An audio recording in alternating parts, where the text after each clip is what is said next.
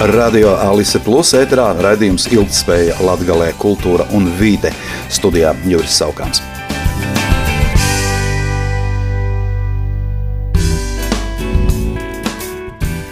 Iesākumā par mūsu likteņu pēc Daugavas šā gada niķošanos pie pļaviņām un jēkapils. Plūdu draudi sagādāja daudz tematu, par ko rakstīt ziņu portālos un lamāties sociālajos tīklos. Vides aizsardzības un reģionālās attīstības ministrs Māris Sprīņģuks no apvienotās saraksta par šo tēmu izteicās tā, ka ņemot vērā, ka plūdu situācijas rodas vienās un tajās pašās teritorijās, pašvaldībām ir jāatrod labākie pretplūdu risinājumi, piemēram, celt dambjus, tīrīt upju gultnes vai vai veikt citus pasākumus. Pretplūdu pasākumiem esot iezīmēti Eiropas Savienības līdzekļi, kas ļaus pašvaldībām novērst gan krastu eroziju, gan īstenot dambju būvi, skaidroja ministrs, norādot, ka katrai aplūstošajai teritorijai un pašvaldībai situācijas ir atšķirīgas un līdz ar to arī risinājumi nepieciešami dažādi. Piemēram, situācija Gaujā atšķirsies no situācijas Daugavā, bet Liepājai, kur jūra grauž krastu un rada draudus attīrīšanas iekārtām, ir pavisam cita situācija. Ministrs norādīja, ka no valsts budžeta līdzekļiem neparedzētiem gadījumiem ir iespējams kompensēt zaudējumus, kas radušies pašvaldības un valsts īpašumiem plūdu rezultātā. Tās ir piemēram skolas, ceļi vai arī kā Jēkabils gadījumā aizsargdāmbis, ja tas būs cietis plūdos. Iespējams, varētu tikt lemts arī par papildu finansējumu zemesardzei un policijai, ja tām radīsies virsizmaksas, ko nevarēs sekt no pašu budžeta. Ministrs norādīja, ka nevar izlemt pašvaldību vietā, vai, piemēram, Jēkabīlī nepieciešams būvēt lielāku dambi, vai vajadzētu tīrīt upes gultni, radot iespēju ūdenim brīvāk plūst un uh, izslēgt iespēju veidoties ledus vai vižņu sastrēgumiem. Tas ir jāizlemj pašvaldībai sadarbībā ar zinātniekiem. Līdzīga situācija ir pļaviņās, kur sastrēgumi regulāri veidojas pie bebrulējas. Sprindžuks pauda, ka pašlaik netiek vērtēta iespēja izsludināt ārkārtējo situāciju Daugavas plūdu dēļ un norādīja, ka viens no ārkārtējās situācijas uzdevumiem ir noteikt atbildīgo, kas pieņem lēmumus, lai neveidotos situācija, kad vairāki lēmumu pieņēmēji nespēja vienoties par darāmajiem darbiem. Attiecīgi, tā kā Jēkabils situācijā novada mērs Raivis Ragainis no Latvijas zaļās partijas apliecināja, ka ar situāciju galā tiek, dambja stiprināšanu organizēt spēja, tāpat cilvēku evakuāciju un citus pasākumus, tad līdz ar to ārkārtējā situācija arī netika izsludināta. Sprindžuks atzina, ka likums ir mazliet atžgārns un tas iespējams būtu jāmaina, jo paredz, ka izsludināt ārkārtējo situāciju vadību tajā pārņem valsts. Jēkabils situācijā tas drīzāk būtu kaitējis nekā palīdzējis. Ja pašvaldība būtu vājāka un nebūtu gatava izlēmīgi rīkoties, tad gan ārkārtējā situācija būtu jāizsludina.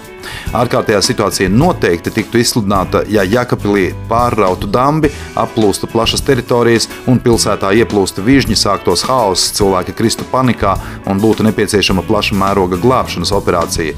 Līdzīgi būtu bijis, ja plūdi skartu vairākas pašvaldības. Arī tad būtu jāizsludina ārkārtējā situācija, lai būtu viens krīzes vadības centrs, kas koordinē rīcību. Veselības ministrija 2023. gadā īstenos sabiedrības informēšanas kampaņu seksuālās un reproduktīvās veselības veicināšanai. Kampaņas nosaukums Cik brīvi runā seksa valodā par veiklu valodu. Informēšanas kampaņas mērķi ir visnotaļ cēli - uzlabot izpratni par seksuālās un reproduktīvās veselības jautājumiem, mazināt seksuāli transmisīvo infekciju izplatību, nepilngadīgo grūtniecību un mākslīgi veiktu abortu skaitu. Aizvadītā gada nogalē pētījumu centrs SKDS veica Latvijas iedzīvotāju aptauju, un tā atklāja satraucošus faktus. 64% iedzīvotāju uzskata, ka Latvijā par seksuālās un reproduktīvās veselības jautājumiem netiek runāts pietiekami daudz. Puse aptaujāto, kuriem ģimenē ir 10 līdz 18 gadus veci bērni, ar viņiem par seksuālo un reproduktīvo veselību nav runājuši vispār, bet 41% Latvijas iedzīvotāju ģimenē vispār nerunā par tēmām, kas saistītas ar seksuālo un reproduktīvo veselību. Līdz ar to arī tika izvirzīts šā gada kampaņas galvenais mērķis veicināt mērķa auditorijas izpratni un zināšanas par seksuālo un reproduktīvo veselību. Īpašs uzsvars kampaņā tiks likts uz cieņas pilnu, godīgu un atklātu sarunu gan jauniešiem ar vecākiem vai pedagogiem, gan partneriem savā starpā. Kampaņas viena no primārajām mērķa auditorijām būs jaunieši no 15 gadu vecuma un viņu vecāki.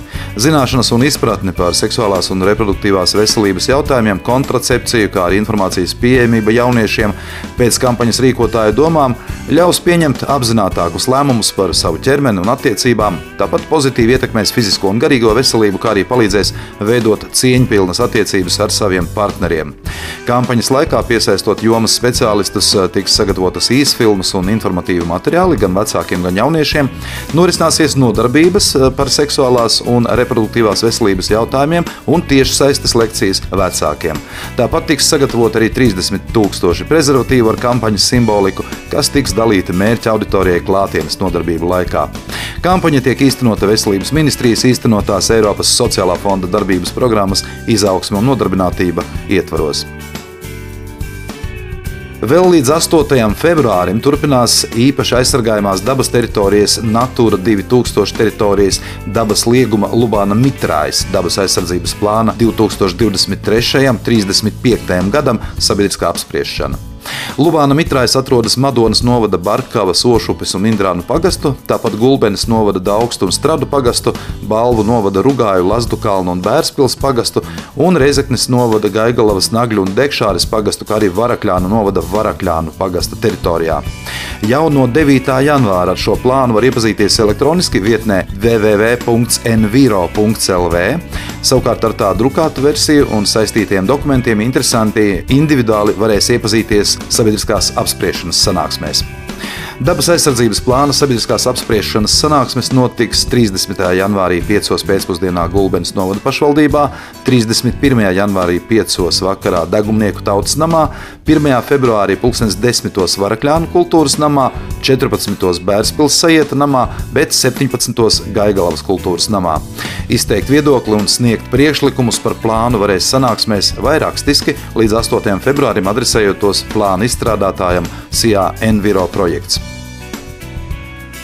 Palielinoties iedzīvotāju izpratnei par vides audzēšanu, kā arī attīstoties atkritumu dalītās vākšanas iespējām, atkritumu šķirotāju skaits Latvijā sasniedzis rekordu.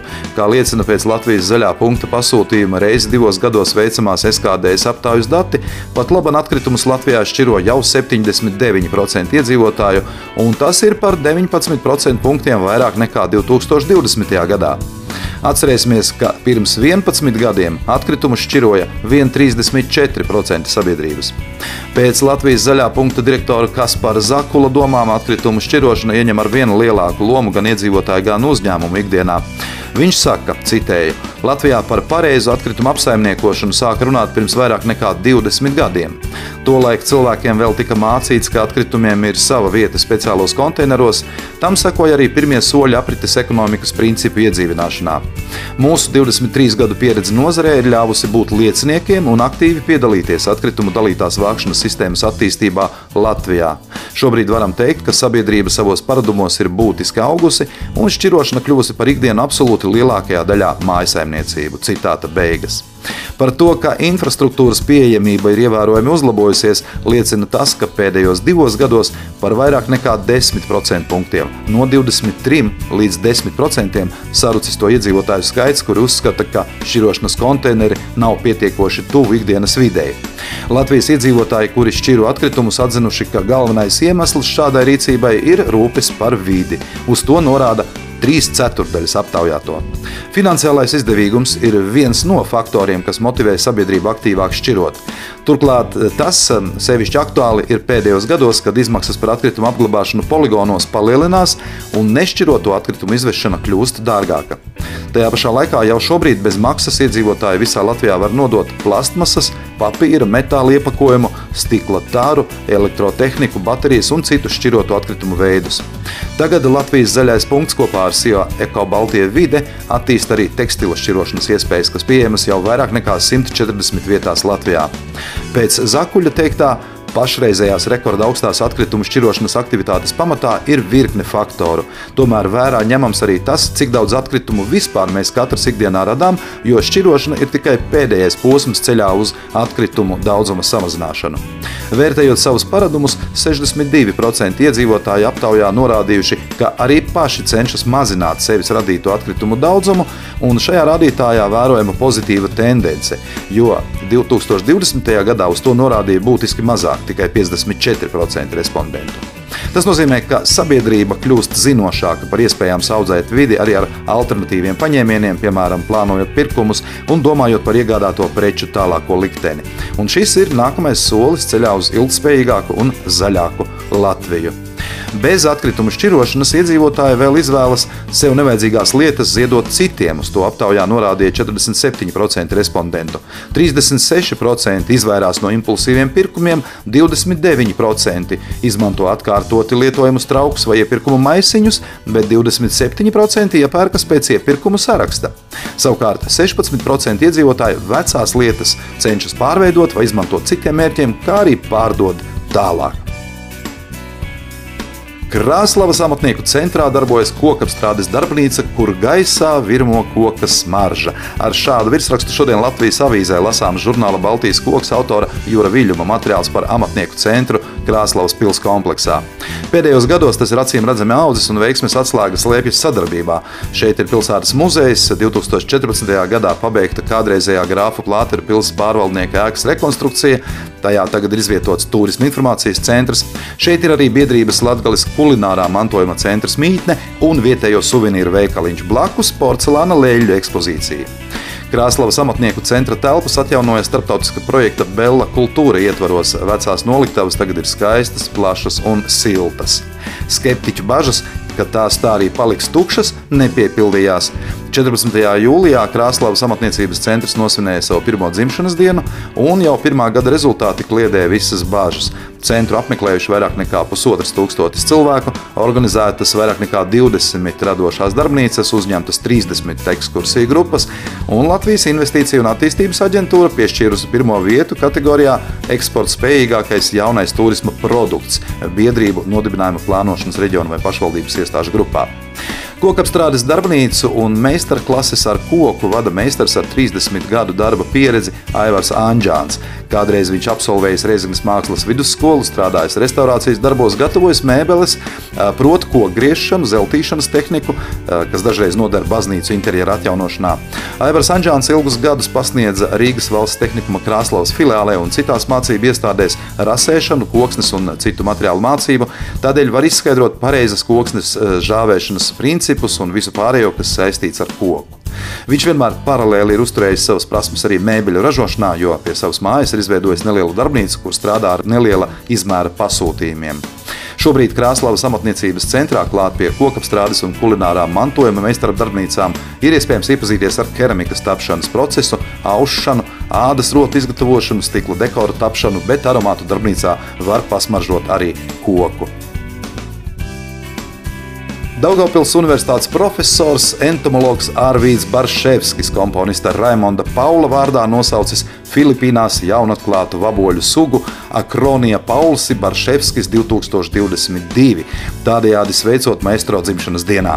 Entomologs eh, stāsta, ka viņš jaunatklātās vaboļu sugas ir nosaucis par godu vairākiem ievērojamiem Latvijas cilvēkiem, piemēram, akadēmiķim Jānim Stradiņam, kino režisoram Jānim Streičam un citiem.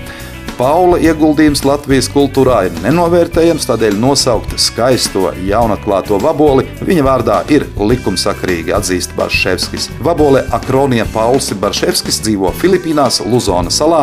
Barševskis kā zinātnē jaunu sugu to ir aprakstījis pagājušā gada nogalē un uzskata, ka tā ir skaistākā viņa atklātā zinātnē jaunā suga pērn. Tāpat zinātnieks sola vaboles attēlu ierāmēt un nosūtīt Raimondam Paulam kā apliecinājumu viņa mūža veikumam. Redzījumi ilgspēja Latvijā, kultūra un vide to par Sabiedrības integrācijas fonda atbalstu Radio Alisa Plus studijā bija Juris Savkārs.